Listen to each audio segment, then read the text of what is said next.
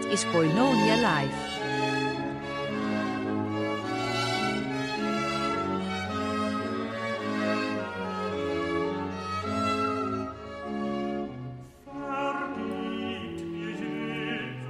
Dit is Koinonia Live. Mijn naam is Robert Veen en dit is een uitzending in de serie Theologische Autobiografie.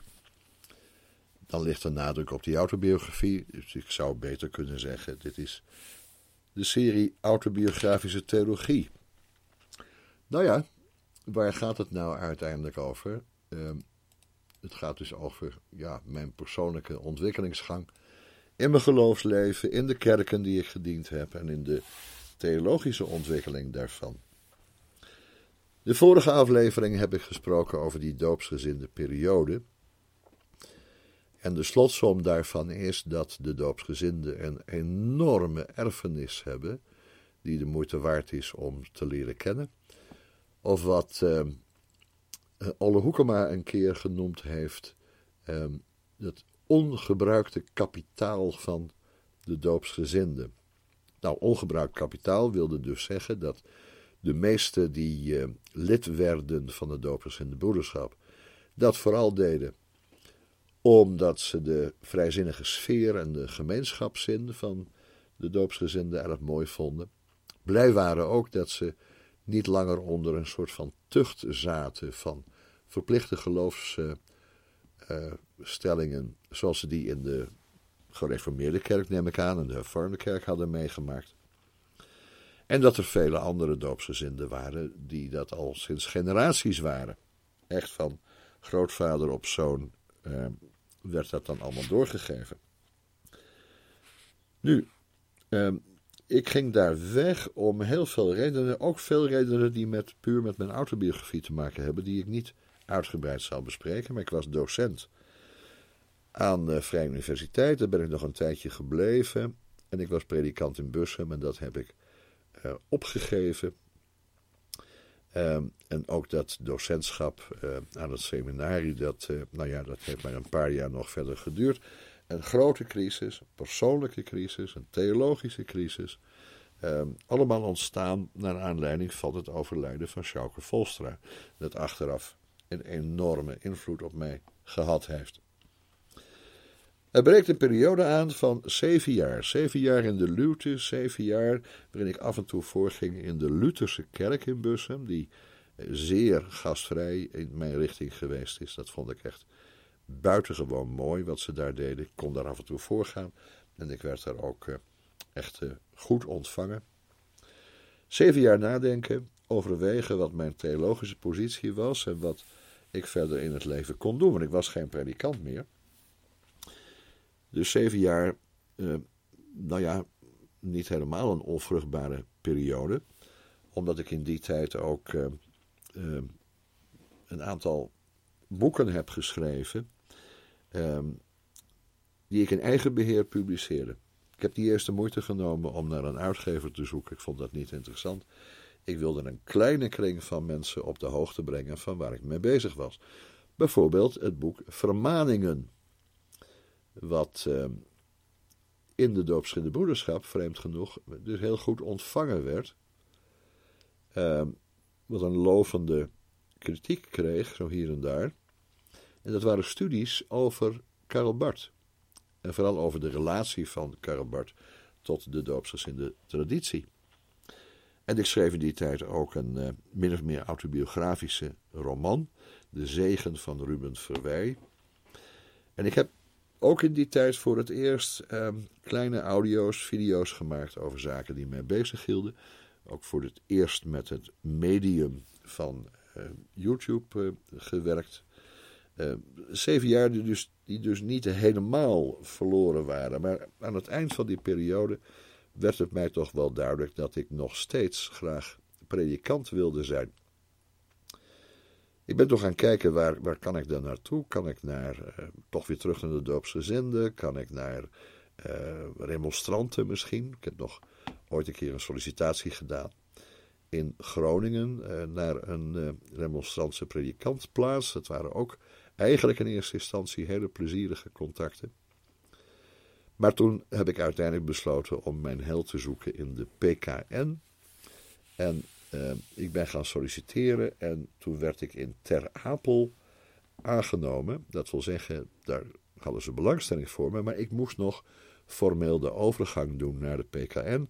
Dat betekende een studie van de beleidenisgeschriften, van de kerkgeschiedenis van de 19e, 20e eeuw, van het kerkrecht. Die studie heb ik toen allemaal eh, gedaan en volbracht.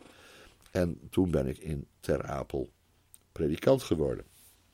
Nou ja, wat trof ik daar aan? En dat was meteen ook een, een reden van eh, theologische verwarring en problemen. De gemeente Ter Apel was een uh, fusiegemeente van de lokale gereformeerde kerk en de hervormde kerk. En dan had je ook nog de vrijzinnige uh, hervormde kerk in datzelfde dorp. En dat was voor mij wel duidelijk al heel snel dat die gereformeerden in de kerk van Ter Apel vrij, vrijzinnig waren. En de hervormden voor een deel uh, confessioneel waren. Dus je had twee behoorlijke extremen in die gemeente. En ja, hoe moet je daar dan uh, uh, goede preken brengen? Dat betekende voor mij theologisch dat ik me weer ging richten op wat ik dan dacht dat het een soort van, van midden zou kunnen zijn tussen confessioneel en vrijzinnig gereformeerd in, heb ik toen gekozen om me weer met Karl Barth bezig te houden, me door Karl Barth te laten inspireren tot de preken die ik daar hield. En dat is lange tijd ook uh, goed gegaan. Zeker een jaar of drie uh, waren die preken, gebaseerd op Karl Barth, uh, een, mooi midden. Maar ja, in het Bijbels theologische onderwijs zat ik in het begin met veertig mensen, gereformeerden en hervormden. En de gereformeerden liepen als eerste weg. En toen liepen een aantal vrijzinnig hervormden weg. En toen bleef ik zitten met de confessioneel hervormden, zo'n man of zestien. En daaraan zag je toch dat ik daar niet paste. Zij niet bij mij, ik niet bij hen. Daaraan zag je dat het geen gelukkig huwelijk was. Die vrijzinnige gereformeerden waren toch gewend om zelf te spreken, om te zeggen wat betekent het voor mij. En ik was gewend om ehm, als docent natuurlijk aan het seminarie gewoon onderwijs te geven. En dat vonden die confessioneel hervormden wel mooi. Maar de vrijzinnig gereformeerden absoluut niet. Dat was veel te belerend, vonden ze. Het onderwijs kwam veel te veel van boven. En daar zag je dus de grote theologische verschillen. Zowel praktisch theologisch, als het bijvoorbeeld ging om de toelating van kinderen aan het avondmaal. Maar ook eh, theoretisch theologisch, dogmatisch theologisch, als het ging om de verzoeningsleer. En ja, ik zat op die lijn van, uh, van. En dat was toch een hele andere lijn dan die confessionele hadden. Die in sommige opzichten veel strenger waren natuurlijk dan ik. En ik zat op een andere lijn dan de vrijzinnig gereformeerden. Want ja, de waarde van de schrift en de prediking van de schrift, die lag mij na aan het hart. En daar hadden ze niet zoveel trek in. Moeilijke tijd dus. Om uh, tussen die twee groepen in uh, te werken pastoraat. Veel mensen die toch de kerk eigenlijk vaarwel hadden gezegd, maar dan toch nog op papier lid waren. Dat was natuurlijk typisch voor de hervormde kerk. Maar ik kende dat niet bij doopsgezinden. In de doopsgezinde kaartenbak heb je allemaal mensen die ook op zondag naar de kerk komen. Maar je hebt weinig mensen die er een beetje bij hangen. Maar dat is in de hervormde kerk uh, juist heel gebruikelijk. Hè? Dus op papier 280 leden, maar in de praktijk 80 mensen in de kerk. Dus waar zijn die andere 200 gebleven? Nou, die waren dan lid. En, maar goed. Nu speelde het ook nog wel een rol dat ik daar als Amsterdammer te midden van de Groningers zat. Maar dat is een verhaal apart. Um, daar zullen we het verder maar niet over hebben. Dat had ik ook in C. wel meegemaakt als doopsgezind predikant. Maar goed, um, daar uh, gaat het dan wat meer om uh, persoonlijke wrijvingen.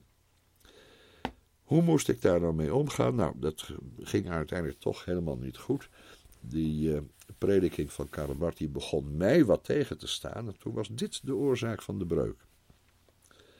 Want mijn vrouw en ik gingen een keer op vakantie naar Tsjechië.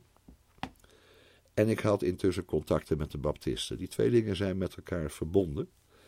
Uh, want die vakantie in Tsjechië, dat was in het vakantiehuisje van een van de baptisten die ik had leren kennen in Ter Apel. Wij gingen ook heel vaak op uh, de maandagavond naar de baptisten toe om daar een gezamenlijke bidstond te houden. Want die hadden we niet in de kerk in Ter Apel. En ik ging ook wel eens voor bij de baptisten. Nou, dat vonden met name de gereformeerden in Ter Apel toch eigenlijk heel erg absurd. En dat had dan weer gevolgen voor de manier waarop we in die ecumene stonden, hè, waar ik een vreemde eend in de bijt werd, want ik was niet gereformeerd vrijzinnig, niet katholiek vrijzinnig. Um, nou ja, allerlei spanningen dus vanwege mijn theologische positie. Ik trok naar de evangelische gemeente die daar was en ik trok naar de baptisten, want die zaten dichter bij mijn oorspronkelijk geloof. Maar door hen, mede door hen en door die vakantie in Tsjechië, gebeurde er iets met me.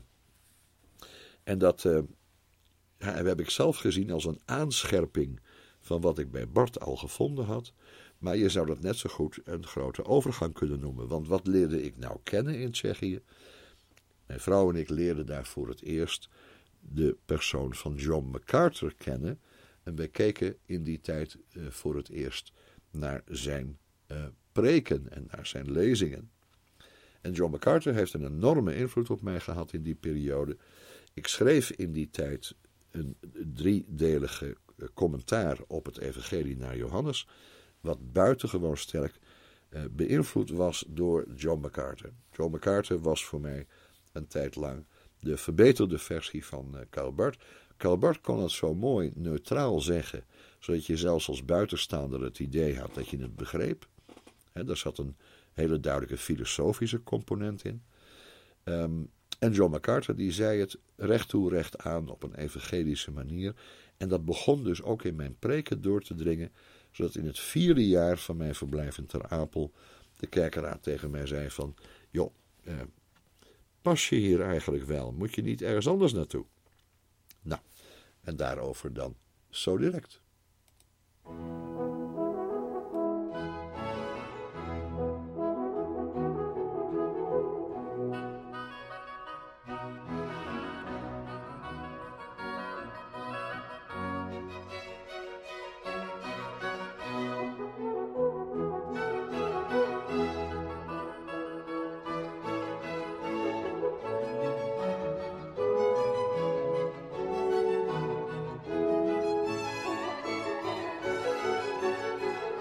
Is Koinonia Live. Maar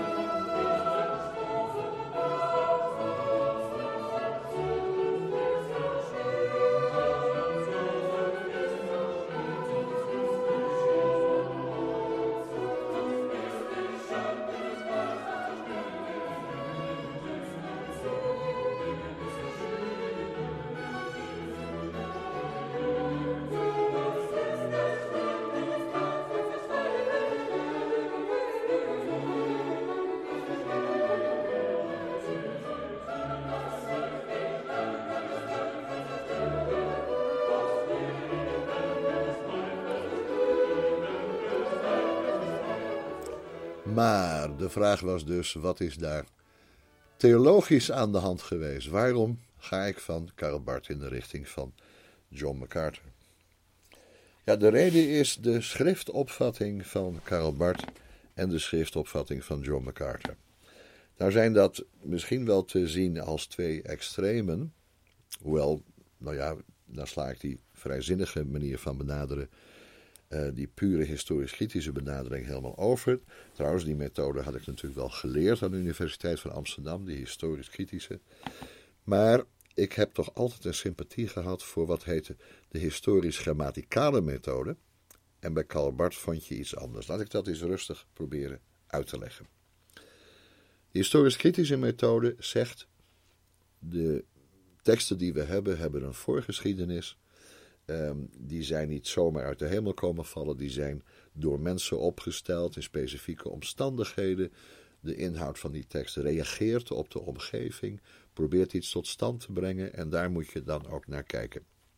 Dan moet je letten op genre, op vorm, op de historische context. Je moet misschien sociologisch lezen. Ehm, je moet op andere manieren kijken naar die teksten. En dan kun je er wel zoiets als een algemene boodschap uithalen. Maar je kunt die tekst niet één op één als gezaghebbend woord van God laten gelden. Dat had ik geleerd. Zo was ik natuurlijk opgevoed aan de Universiteit van Amsterdam. Bij Karl Barth vind je daar een soort correctie op.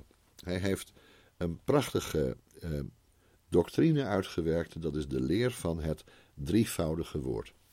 Het woord van God gebeurt, let op dat woord, dat is heel belangrijk. Het woord van God geschiet op drie manieren. Nou, in de allereerste plaats in de persoon van Jezus van Nazareth, want die is het woord. In het begin was het woord, het woord was bij God en het woord was God. Ehm, en dat woord is vlees geworden. En heeft onder ons gewoond. En we hebben zijn heerlijkheid aanschouwd. Een heerlijkheid als van de enige geborene van een vader. Dan gaan we van het woord, dat wil zeggen van Torah, gaan we naar de persoon van Jezus. Hij is het levende woord. Hij is degene die eigenlijk in heel de schrift aan het woord is. Maar eh, daaraan gelijk is het geschreven woord. Want zonder het geschreven woord weten we ook helemaal niets van Jezus als het levende woord. Dus de, het geschreven woord is minstens zo belangrijk. Alleen we kunnen niet zeggen dat de tekst zoals we die hier hebben identiek is aan het geschreven woord van God. Want het is net alsof je kijkt naar uh, aantekeningen van een, uh, een, bijeenkomst waarin mensen uh, gesproken hebben en je kijkt naar die aantekeningen en nu moet je eigenlijk gaan reconstrueren wat daar gesproken is en waarom. Ehm, Bart heeft heel nadrukkelijk gezegd dat de schrift niet zomaar zonder meer Gods woord is. die identificatie van geschreven woord en het levende woord, die mag je niet zomaar uitvoeren. Het geschreven woord is onderscheiden van het levende woord, maar bovendien, dat geschreven, geschreven woord kan Gods woord worden. Dat is wat uh, ik wel eens aanduide als het actualisme of het dynamisme van de opvatting van Bart over de schrift. Als die schrift tot jou gaat spreken, dan gebeurt er wat. Nou, dat vond ik destijds heel interessant, want dat leek overeen te komen met wat de oude doopsgezinde traditie altijd gezegd had, namelijk woord en geest. De geest moet het woord verinnerlijken en het woord is altijd woord van de geest en nooit los daarvan te zien. Maar dan in de derde plaats, en dat vond ik ook heel aantrekkelijk, er is een derde vorm van het woord en dat is het verkondigde woord. Um, daar is de predikant eigenlijk het medium waardoorheen de geest zijn woord moet gaan spreken. Dat betekent niet dat uh, wij helemaal onbelangrijk worden, maar zo'n idee als de persoon van de prediker moet ook op de kansel zichtbaar zijn. Het moet door jouw persoonlijke autobiografie heen gaan. Dat idee uh, werd daar toch in vermeden. Drievoudig woord dus. Het levende woord, dat is Jezus. Het geschreven woord, dat Gods woord kan worden. En dan het gepredikte woord, waarin dat van de kansel af gebeurt. Nou, niet alleen maar van de kansel af, want het gepredikte woord is eigenlijk heel het handelen van de kerk. Ook in de catechese, in het apostolaat enzovoort. Ook in het pastoraat. En dat was heel erg belangrijk. Uh, Karel Barth had een maatje die heette uh. En Toernijsen had een boek geschreven over het pastoraat, waarin hij duidelijk maakte dat uh, pastoraat is verkundigung aan den Einzelnen. Dus verkondiging van Gods woord aan de enkeling. En zo begon ik dus ook in Ter Apel pastoraat te doen. Het ging om, wat zegt Gods woord over jouw leven en jouw levensproblemen enzovoort. Nu, dat was helemaal in strijd met twee uh, gangbare tendensen in de gemeente van Ter Apel. Dus Bart was al in spanning tot die gemeente, want die gemeente zag pastoraat als nou ja, een goed gesprek over je problemen, zoals je dat met een maatschappelijk werker zou kunnen hebben of met een psychotherapeut. En die gemeente zag dus dat woord als, nou ja, aanleiding tot een persoonlijke boodschap van de predikant op de zondag. Hopelijk een persoonlijke boodschap waar je dan wat aan hebt binnen de grenzen die mensen dan voor zichzelf eh, voor hadden aangelegd, eh, hadden eh, vastgesteld. Nou ja, wat mij tegenstond daarin, dat is een soort van scheiding die nu ontstond tussen het geschreven woord en Gods woord. Gods woord was toch in de tekst ook aanwezig en dat moest er wel door Gods Heilige Geest uitgehaald worden of aan ons eh, voorgesteld worden en dat moest verinnerlijkt worden. Maar de geschreven tekst, ja, dat was misschien een Joods trekje, die geschreven tekst is toch in zichzelf Gods woord. John MacArthur die deed dat veel simpeler en veel meer recht toe recht aan. Die zei, de hele Bijbel is Gods woord. Van begin tot einde, geheel en al geïnspireerd. En die eenvoud sprak mij toch wel aan. Ik heb het toen uh, uh, ook verdiept in de zogenaamde fundamentals. Fundamentals, dat zijn een, een reeks van geschriften die aan het begin van de 20e eeuw door orthodoxe evangelicalen in Amerika waren opgesteld om de zaken nou eens op een rij te zetten. Dat was een reactie tegenover de opkomende vrijzinnigheid en het modernisme, bijvoorbeeld van Princeton en van uh, allerlei kerken die begonnen af te dwalen, uh, vond men, van de eenvoudige leer van, uh, van Gods woord. En dat fundamentalisme, ja, dat gaf mij een Joodse visie op de schrift als geopenbaard. Dat is de tekst, daar moet je het mee doen.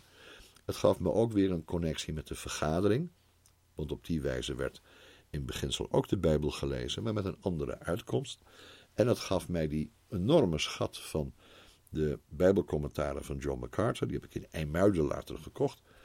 Um, maar John MacArthur kon dus model staan voor hoe je dan met het woord wel moet omgaan.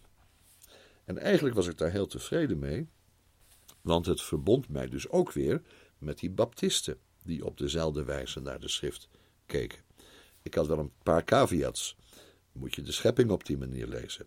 Is de verzoeningsleer niet te zeer benadrukt eh, eh, tegenover de heiliging enzovoort? Dat waren als het ware verborgen reserves die ik had.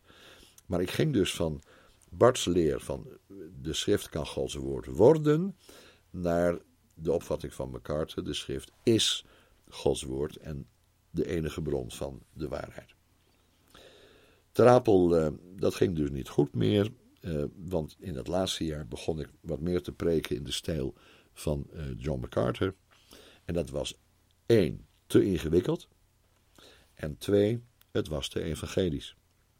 Het was duidelijk dat met mijn opvatting van pastoraat als de toepassing van Gods woord op het individuele leven en met deze opvatting over de betekenis van de schrift en met mijn opvatting dat de gemeente behoorlijk wat moest bijleren, want mijn volk gaat ten onder door gebrek aan kennis, ehm, kon je duidelijk zeggen, ehm, dat het niet meer lukte om in zo'n gemengde, half vrijzinnige, half confessionele, ehm, en dan nog een derde helft, een onbepaald midden, dat ik daar uiteindelijk niet tot mijn recht zou kunnen komen.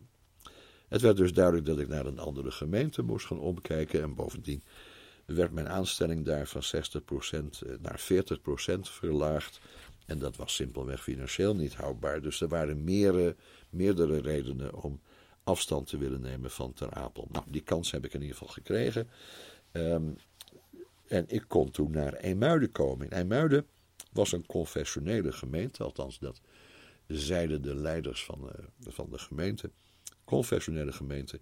Dus ik meende daar te kunnen aantreffen een, een hele gemeente die op de lijn zat van dat deel in Ter Apel waar ik wel een goede band mee had opgebouwd. Die vonden John MacArthur niet vervelend en die vonden Karl Barth niet vervelend en die wilden wel horen wat ik zou te vertellen had. Goed, ik ging dus naar IJmuiden.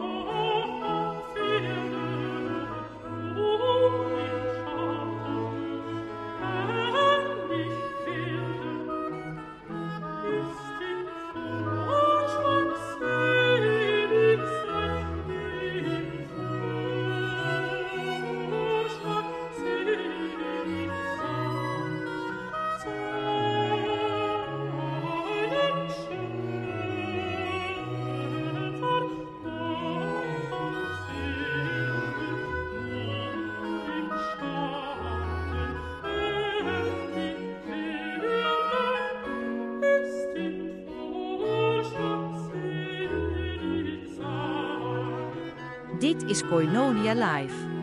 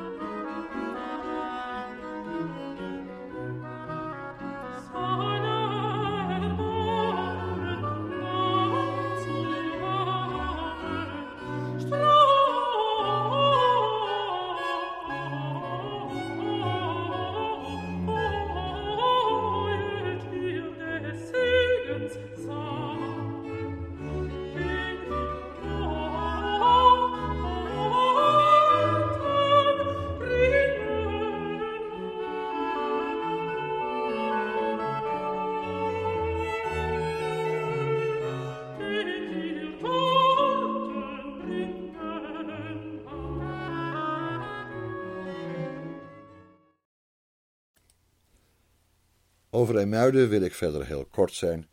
Ik kwam daar eh, met de overtuiging dat het eh, om een confessionele gemeente ging.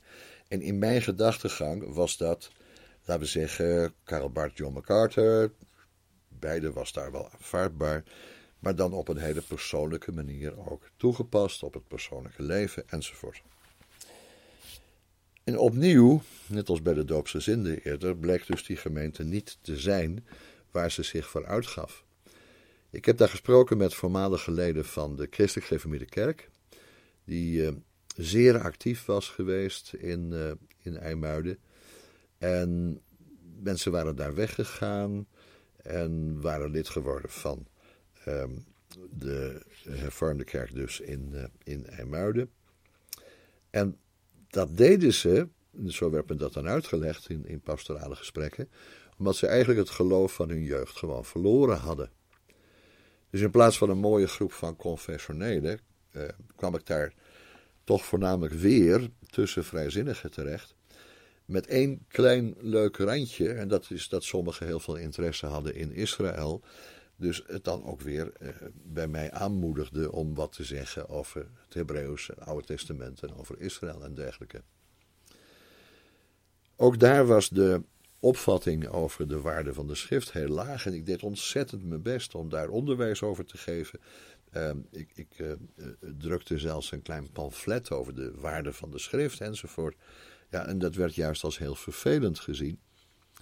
Maar zoals dat later werd geformuleerd, de gemeente wil op een prettige manier uh, de week in.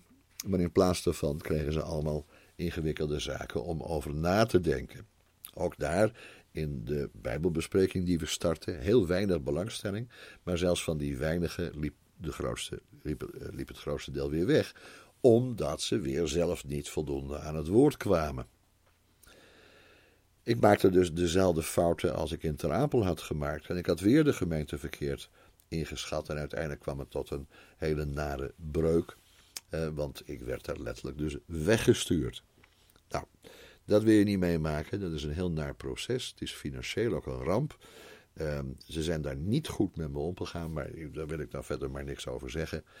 Maar uiteindelijk kwam ik dus eh, op het traject van een vervroegde pensionering, um, vervroegd emeritaat.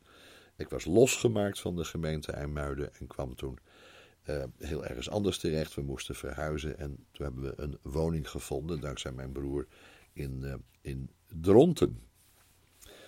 Nou ja, wat moesten we daar dan doen? Nou, we hebben daar wel eens uh, de kerkdiensten bezocht van de christelijk gereformeerden en van de vrijgemaakten. Is ons heel goed bevallen. Um, maar we wilden dat contact houden met uh, Heemstede. Heemstede was in het laatste jaar van Eemuiden. Het begon er eigenlijk als een kennismaking die ik wilde geven aan mijn vrouw. Ik wilde haar eens duidelijk maken waar ik oorspronkelijk vandaan kwam. Dus wij gingen naar de vergadering in Heemstede. Dat heette intussen de Heemkerk. En dat was niet in volle zin meer een vergadering. Dat merkte je aan allerlei zaken uh, die daar waren losgelaten uit het verleden, zoals ik het kende. Maar goed, uh, ik kon daar ook een beetje een rol vervullen. Ik kon daar ook wat uh, kwijt van, van onderwijs. En zo zaten we in de rond. Gingen regelmatig dus naar Heemstede. waar ik die vergaderingstheologie weer een, een, een beetje voor me zag. Dus, nou ja, Dronten was het einde. Hè, dat zou het einde zijn geweest. Um, want ik zat daar zeg maar, theologisch in een wat moeilijke spagaat. Um, ik kon Karl Bart niet kwijt in Heemstede. Ik kon niet optreden. Ik was niet actief in um, de christelijk gereformeerde kerk. En niet bij de vrijgemaakte. Daar was ik gewoon uh, dus passief uh, toehoorder. John MacArthur had daar verder geen betekenis in. Theologisch was ik even los van een gemeente. En dat is zo belangrijk gebleken. Theologisch losstaan van een gemeente. Want ik had natuurlijk in Ter Apel en in Bussum en in IJmuiden eh, de kleur willen aannemen.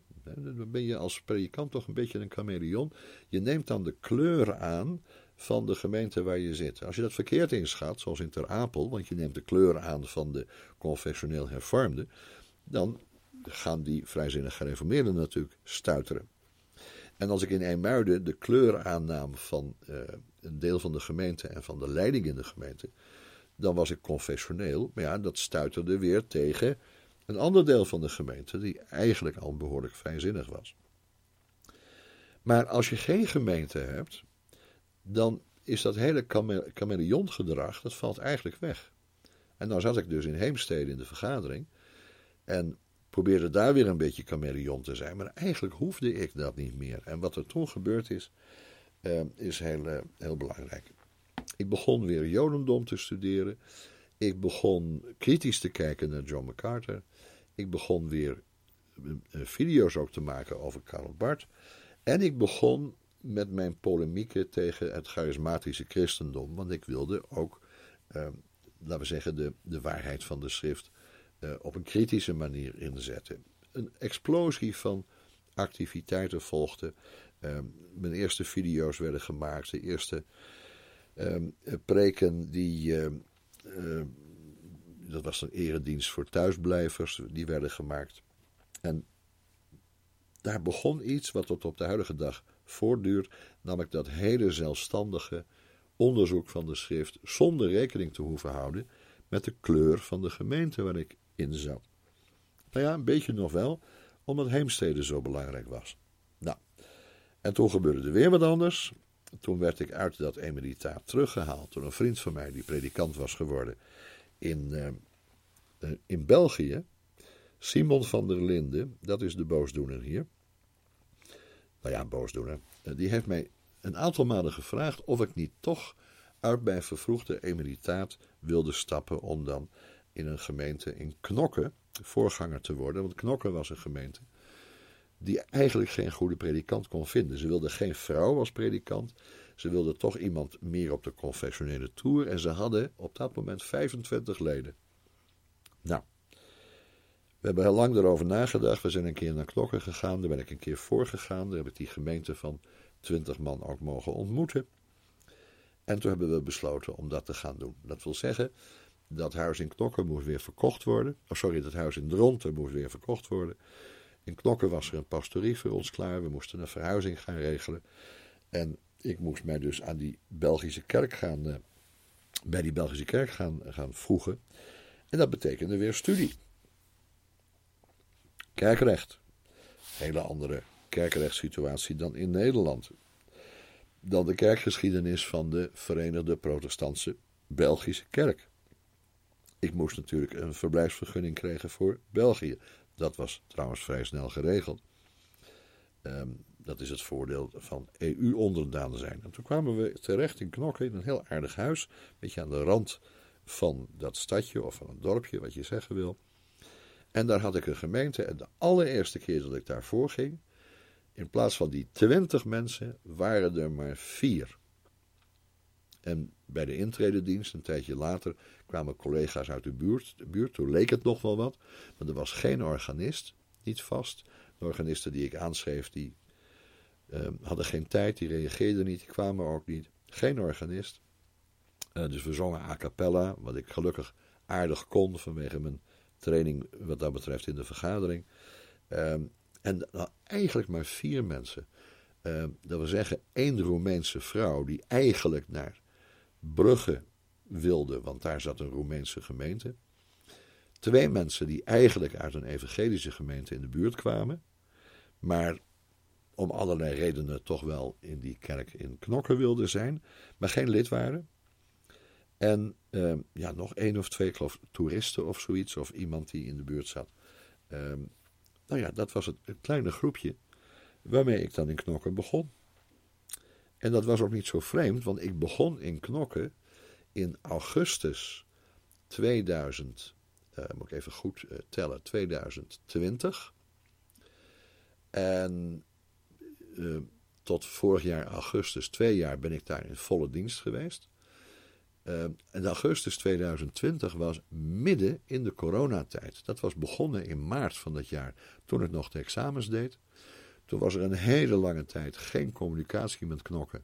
Want ze konden daar geen kerkenraad bij elkaar krijgen. Er kon geen ledenvergaderingen zijn. Dus die aanstelling die kwam maar niet. Ik deed wel mijn examens nog. In februari de laatste. Maar vanaf maart was het corona en kon er niks meer gebeuren. En midden in coronatijd uiteindelijk, toen de voorschriften een beetje waren verzaagd, toen er een schriftelijke stemming kon komen, kwam ik dus in Knokken terecht. En het grootste deel van de gemeente was verdwenen. Eh, sommigen gewoon doordat ze waren terugverhuisd naar eh, een Nederlandse stek, een Nederlandse oorsprong. En sommigen simpelweg omdat ze geen interesse meer hadden in kerk zijn. Nou, dat was knokken.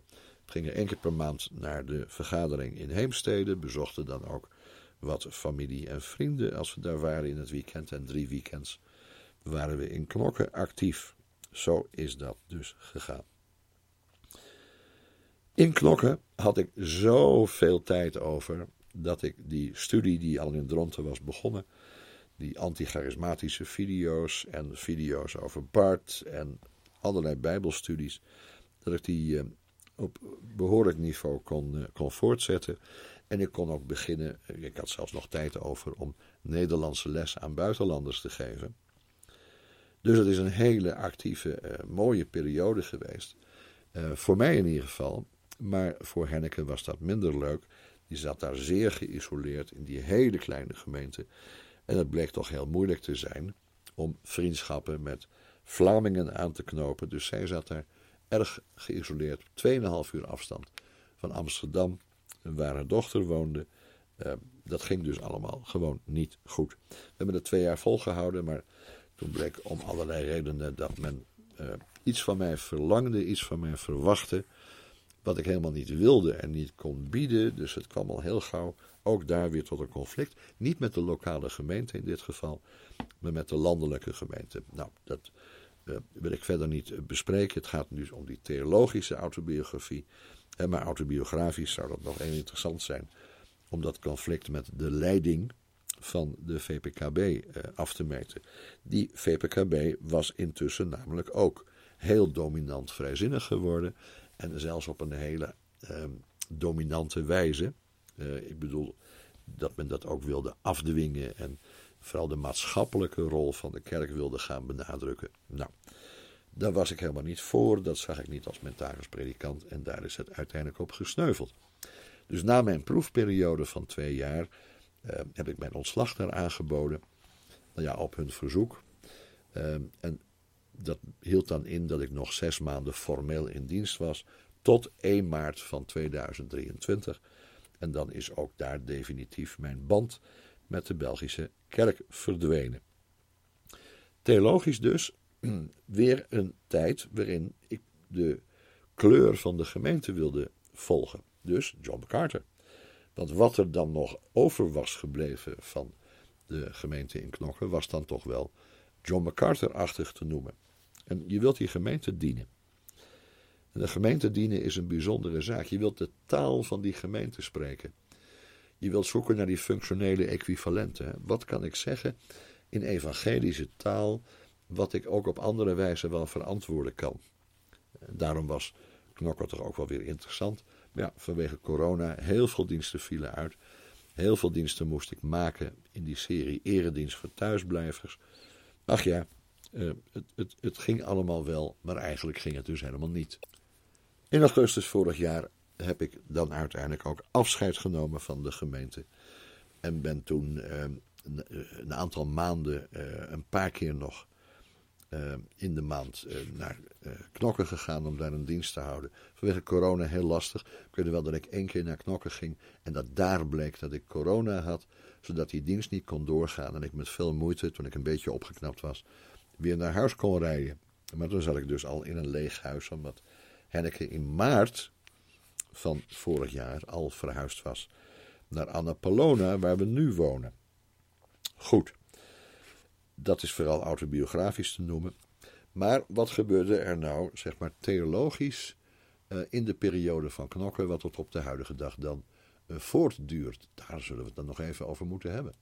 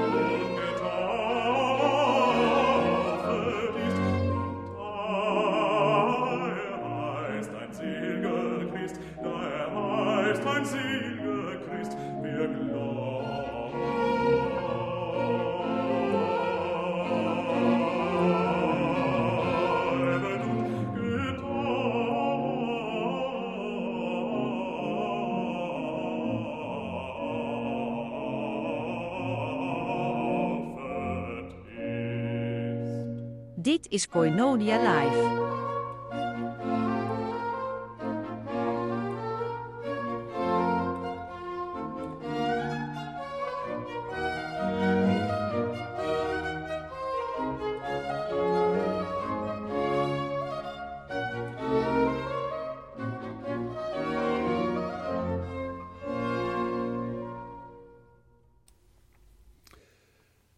Volgende keer, dat is de vijfde aflevering dan in deze serie, ga ik spreken over de recente ontwikkelingen en mijn huidige uh, positie. Um, want dat is eigenlijk uh, ja, het onderwerp waar ik naartoe wilde werken. En ik wil daar niet in, een paar minuten al veel over zeggen. Uh, behalve dat voor mijn gevoel die verschillende ontwikkelingen in het verleden nu op hun plaats vallen. Augustinus, Thomas van Aquino, Karl Barth, John MacArthur, de grote christelijke lijn, maar ook Calvijn trouwens en Maarten Luther en Schleiermacher uit de 19e eeuw. Uh, al die bronnen van uh, christelijk nadenken over de schrift zijn voor mij van groot belang.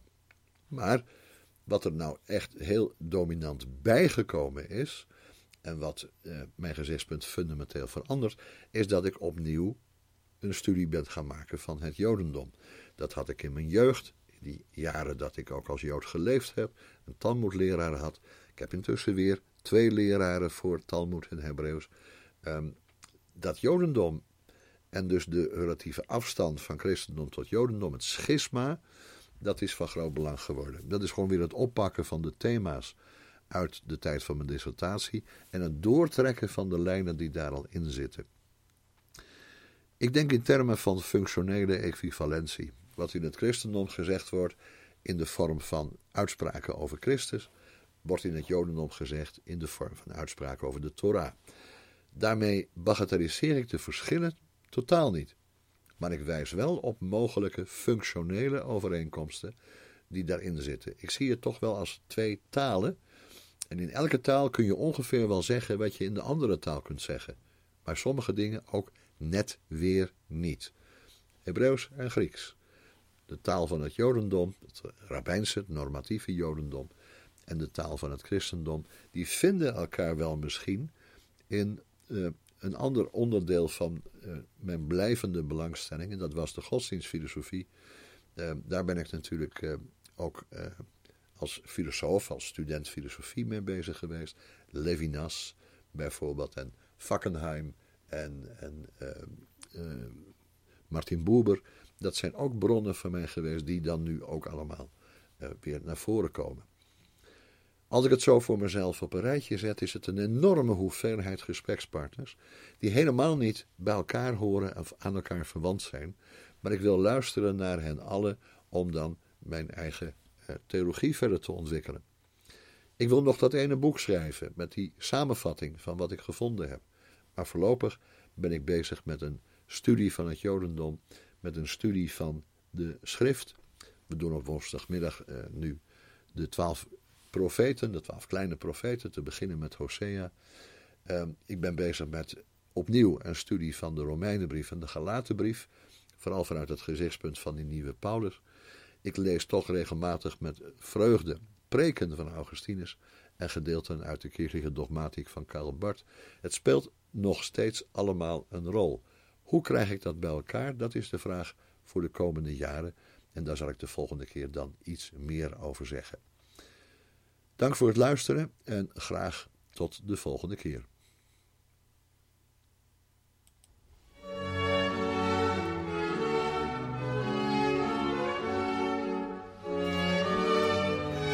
U hebt geluisterd naar een uitzending van Cornonia Bijbelstudie Live.